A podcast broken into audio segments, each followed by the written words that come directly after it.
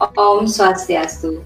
Hai sahabat Bali Skruti, kembali lagi bersama saya dari Pertiwi dalam acara Bincang Bali Skruti.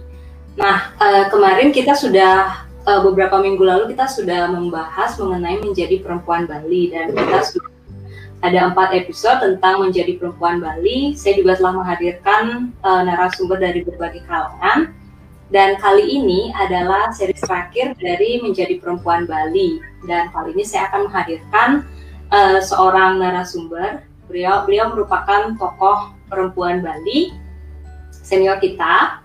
Uh, beliau juga aktif dalam uh, prajuru sebagai prajuri istri di Majelis Desa Adat Provinsi Bali. Beliau adalah Ibu Nyoman Nilawati dan saya akan menghubungkannya dengan Ibu Nyoman Nilawati. Om Swastiastu Ibu. Om Swastiastu, Ibu Andini. Terima kasih kepada yeah. pemirsa di mana pun berada, nge. Yes, semua. Punapi gatra nih Ibu Nila. Astungkare becek-becek kena rahayu, nge. Aduh, astungkare ya Ibu Nila. Nah, Ibu Nila, Niki kan kita akan membahas mengenai menjadi perempuan Bali. Nah, eh, kan ada banyak stereotip di luaran sana tentang menjadi perempuan Bali bahwa menjadi perempuan Bali itu berat. Nah, menurut Ibu Nila sendiri Niki bagaimana? Uh, kita tidak ada pilihan ya. Kita memang terlahir sebagai perempuan Bali. Nah, jadi begitu lahir karena kita sudah di Bali, lahir di orang Bali ya kita sudah langsung menjadi perempuan Bali. Tidak ada pilihan. Jadi kalau Tiang sendiri sebagai perempuan Bali itu kok kok sangat menikmati gitu. Jadi bangga menjadi perempuan Bali karena kita sebagai perempuan Bali karena sudah terbiasa dibiasakan dari kecil kita itu menjadi seorang wanita yang mandiri di sini. Jadi eh, mandiri dan sangat fleksibel, luas di mana pun kita berada, kalau kita sudah berisi, pasti kita diterima dengan baik. Ini pengalaman Tiang. Jadi kita, Tiang sebagai perempuan Bali itu justru bangga, tidak pernah ada kesulitan. Selalu diterima di mana pun berada. Karena kita, gimana nih? Karena di lingkungan orang Bali, kita sebagai wanita, sebagai perempuan, itu sudah dibiasakan dididik dari kecil menjadi perempuan yang mandiri. Ini kelebihannya. Kalau menurut tiang-tiang sangat senang, tiang sangat bangga. Nah itu. Dan itu pun kita dididik itu tidak jadi paksa, tapi itu orang tua mendidik kita itu ya dengan cara gimana ya, e, dengan dengan sambil apa e, mempelalianan sambil melajah gitu. Jadi hmm. dari kecil itu anak-anak itu diajak bermain sambil belajar gitu. Jadi tidak tidak ada perasaan berat gitu. Perasaan tiang nih pengalaman tiang dari kecil itu seperti itu. Hmm. Jadi kita apa pun kegiatan di rumah hmm. kita itu dilibatkan. Yang penting kita itu rajin. Nah ini kuncinya rajin, kemudian eh, apa perhatian kepada lingkungan setiap ada kegiatan kita selalu udah kepingin terlibat gitu jadi dengan demikian sepertinya kita main-main tapi belajar.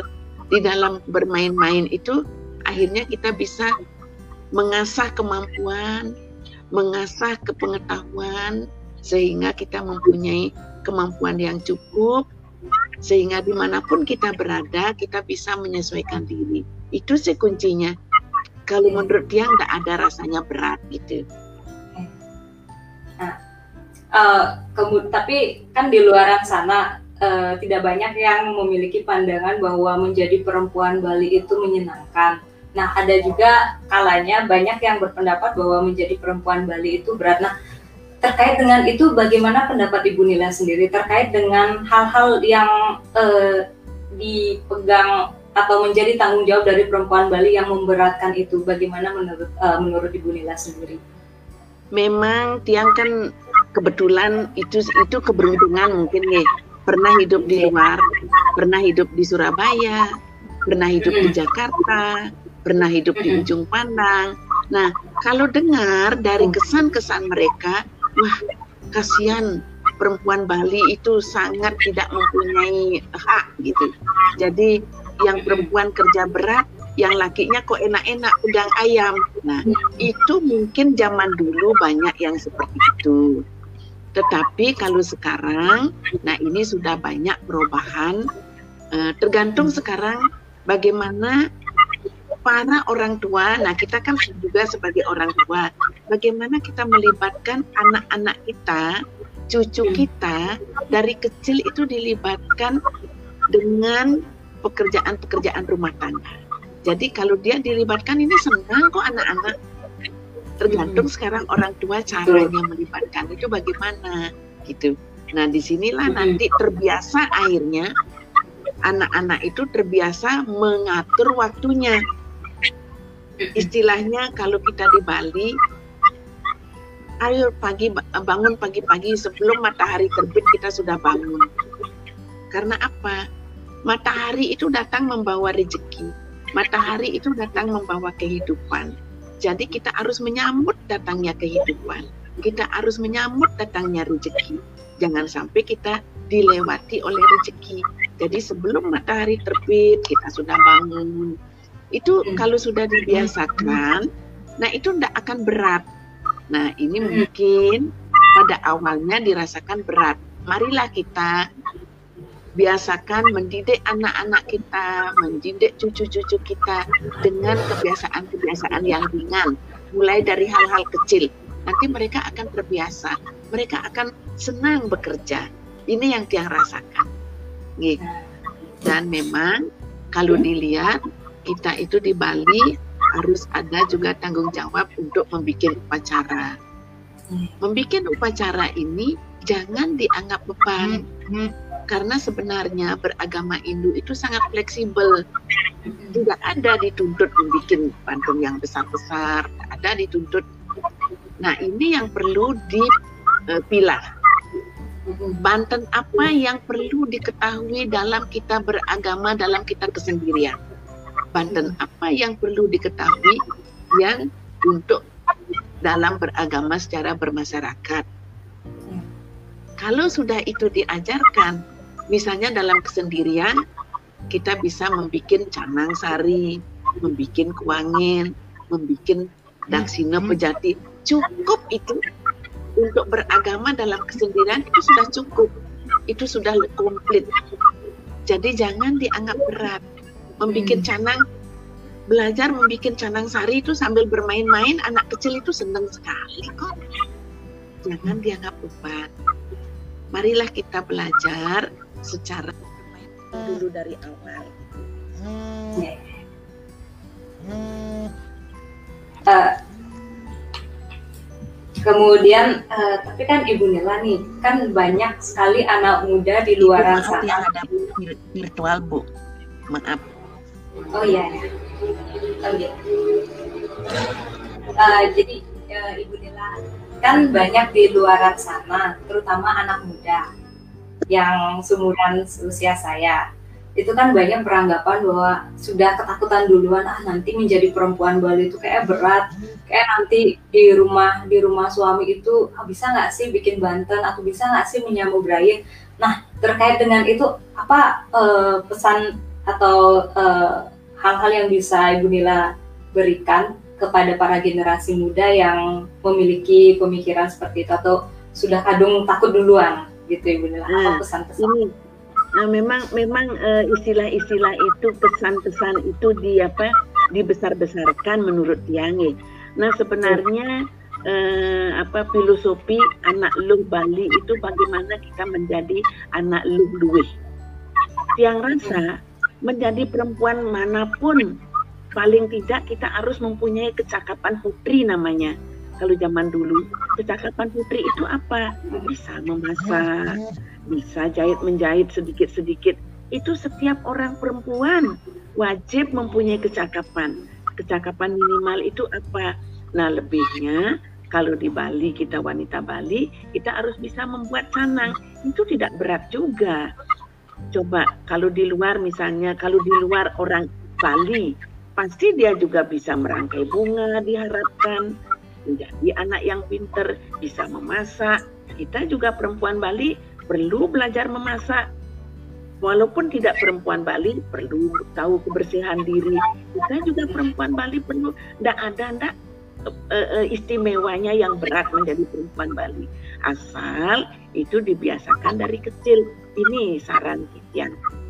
Saran saya, mari kita dari kecil membiasakan diri belajar sambil bermain-main belajar membuat canang sambil bermain-main, belajar membuat ketipat nasi sambil bermain-main. Nah, itu kecakapan sama dengan kecakapan keterampilan itu. Keterampilan di luar wanita Bali banyak juga keterampilan. Harus bisa membuat jajan, harus bisa merangkai bunga. Nah, kita Bali ini kita spesifik keterampilan yang diharapkan yang akhirnya nanti kita bisa persembahkan kepada Tuhan yang kita percayai sebagai idosan yang dewasa. Itu sih menurut yang tidak berat kok. Kalau kita prinsip beragama, kalau kita berada di luar, tidak ada bahan-bahan canang, tidak ada bahan-bahan untuk membuat bejati sesuai dengan agama eh, di sastra patram puspam palam poyam.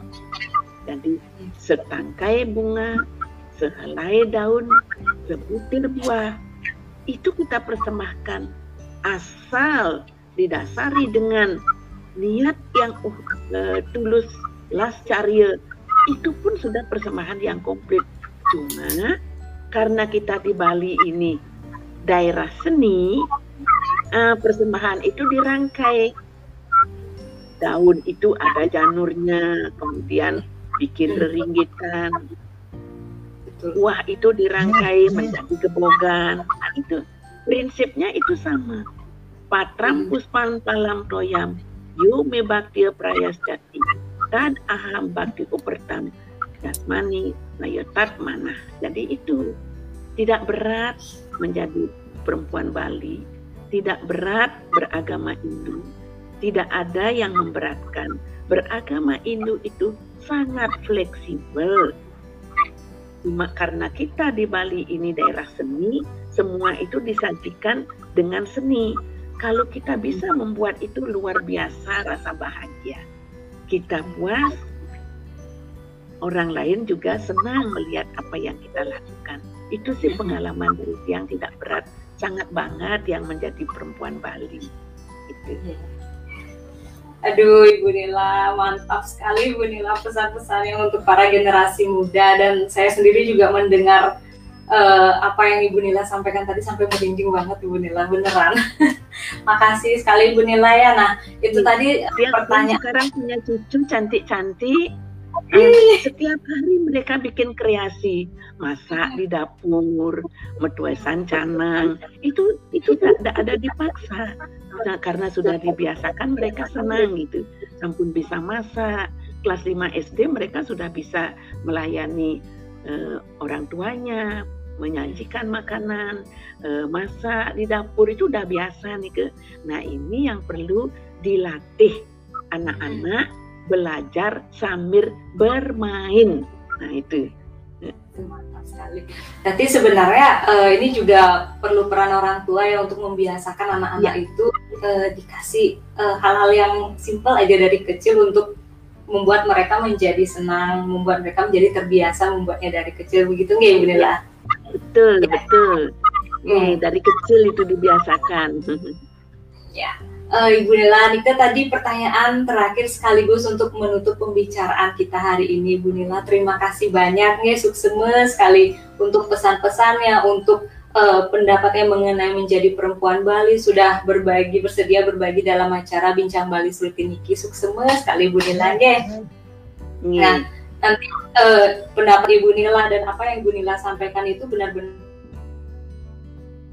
sudah merangkum keseluruhan suaranya nih Oke, jadi uh, apa yang Ibu Nila sampaikan tadi itu benar-benar sudah merangkum uh, mengenai bagaimana menjadi perempuan Bali, Ike. Ya. Dan Iki akan saya. Uh, ya. Jadi kita menjadi perempuan Bali kita patut bangga. Sulit orang bisa lahir di tanah Bali. Tanah Bali ini sempit. Orang pendatang itu banyak begitu tahu Bali mereka tidak mau pergi karena merasa nyaman di Bali. Lain katanya rasanya kalau sudah menginjak tanah Bali.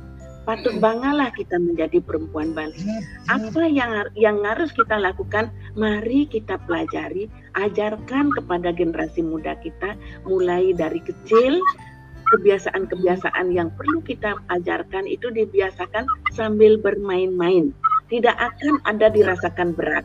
Semua akan gampang. Kita di Bali karena mayoritas beragama Hindu, agama Hindu itu tidak ada memberatkan. Sangat fleksibel. Membuat yang Banten sajian yang kecil tidak masalah. Bisa mampu bikin yang besar tidak masalah. Bagus. Cuma tiang pesan mari kita membuat upacara membuat upakara sesuaikan dengan kemampuan pendapatan bukan menjual hak milik untuk membuat upakara. Jadi kalau menurut tiang tiga kerangka agama Hindu ini perlu mungkin diadakan revisi sedikit. Tatwa susila yadnya nah ini yang lebih tepat. Sebab kalau tatwa susila upakara nah upakara ini dia rentangnya tidak terbatas. Jadi tatwa susila yadnya jadi apa yang kita lakukan itu adalah yadnya jadi upakara yang kita lakukan itu itulah yadnya pengorbanan dengan dilanasi uh, hati yang suci dengan pengorbanan yang sukarela. Jadi keikhlasan. Sampunang memaksakan diri, sampunang tamasik, sampunang rajasik. Apa yang kita lakukan? Bikin Banten sesuai dengan kemampuan. Berapa kita punya uang? Sedikit punya uang, sedikit kecil bikin Banten. Canang sari saja cukup. Tidak ada, ada orang yang apa namanya mencibir cuma perasaan kita saja tapi jangan ya. mengikuti perasaan apa namanya le ngai Banten kecil itu ini harus dihilangkan. Jadi adik-adik generasi ya. muda jangan merasa beragama itu beragama Hindu itu berat. Beragama Hindu sangat fleksibel. Tidak ada dituntut membuat Banten yang besar. Banten yang kecil saja tidak masalah. Patram puspam palam toyang. Yo me bakti prayas jati tad aham bakti upertam asmani tayutat mana. Jadi setangkai bunga, sehelai daun, sebutir buah, seteguk air, dan dengan dupa itu sudah cukup. Misalnya kalau kita ngotonin, jangan berepuria membuat ulang tahun. Ngotonin itu Banten satu, Banten dapatan tumpeng satu. Itulah akhirnya menjadi nasi tumpeng sebenarnya itu hmm. dapatan pokok nih ke itu yang akhirnya menjadi nasi tumpeng yang akhirnya dibiasakan dengan ulang tahun. Nah ini ngiring adik-adik, banggalah hmm. menjadi perempuan Bali, banggalah menjadi umat Hindu, sangat fleksibel, tidak ada yang memberatkan. Itu semua tergantung pada pikiran kita sendiri. Telingang, meyatnya las carya nah niki pesan titiang. Tinggi yeah. kirang langkung titiang nas gengret mesin ampura. Aduh sesuai budi lagi.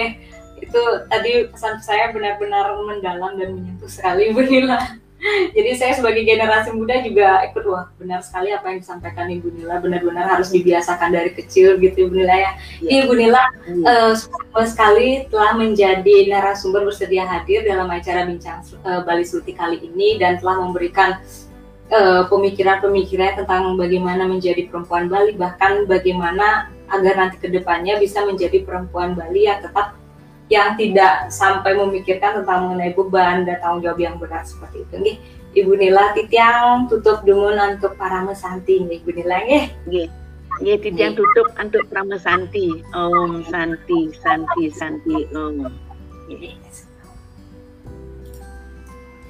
Oke tadi uh, sahabat Bali Surti itu tadi bincang-bincang saya dengan Ibu Nyoman Nilawati dan saya rasa apa yang disampaikan oleh Ibu Nila itu sudah sangat lengkap sekali, sudah sangat benar-benar mendalam dan uh, sekaligus juga Ibu Nila tadi merupakan uh, narasumber untuk menutup rangkaian acara dari menjadi perempuan Bali. Nah, saya rasa uh, mungkin sedikit sedikit dari saya perlu uh, saya sampaikan dari merangkum dari kelima narasumber kita bahwa menjadi perempuan Bali itu adalah hal yang membanggakan. Terkait dengan hal-hal atau beban tanggung jawab yang disematkan pada perempuan Bali, yang menempatkan perempuan Bali pada posisi sulit dan dilematis, itu semua se seharusnya dilihat dengan uh, sudut pandang lain bahwa tetap saja berpegang pada prinsip untuk tetap menjalankannya secara ikhlas.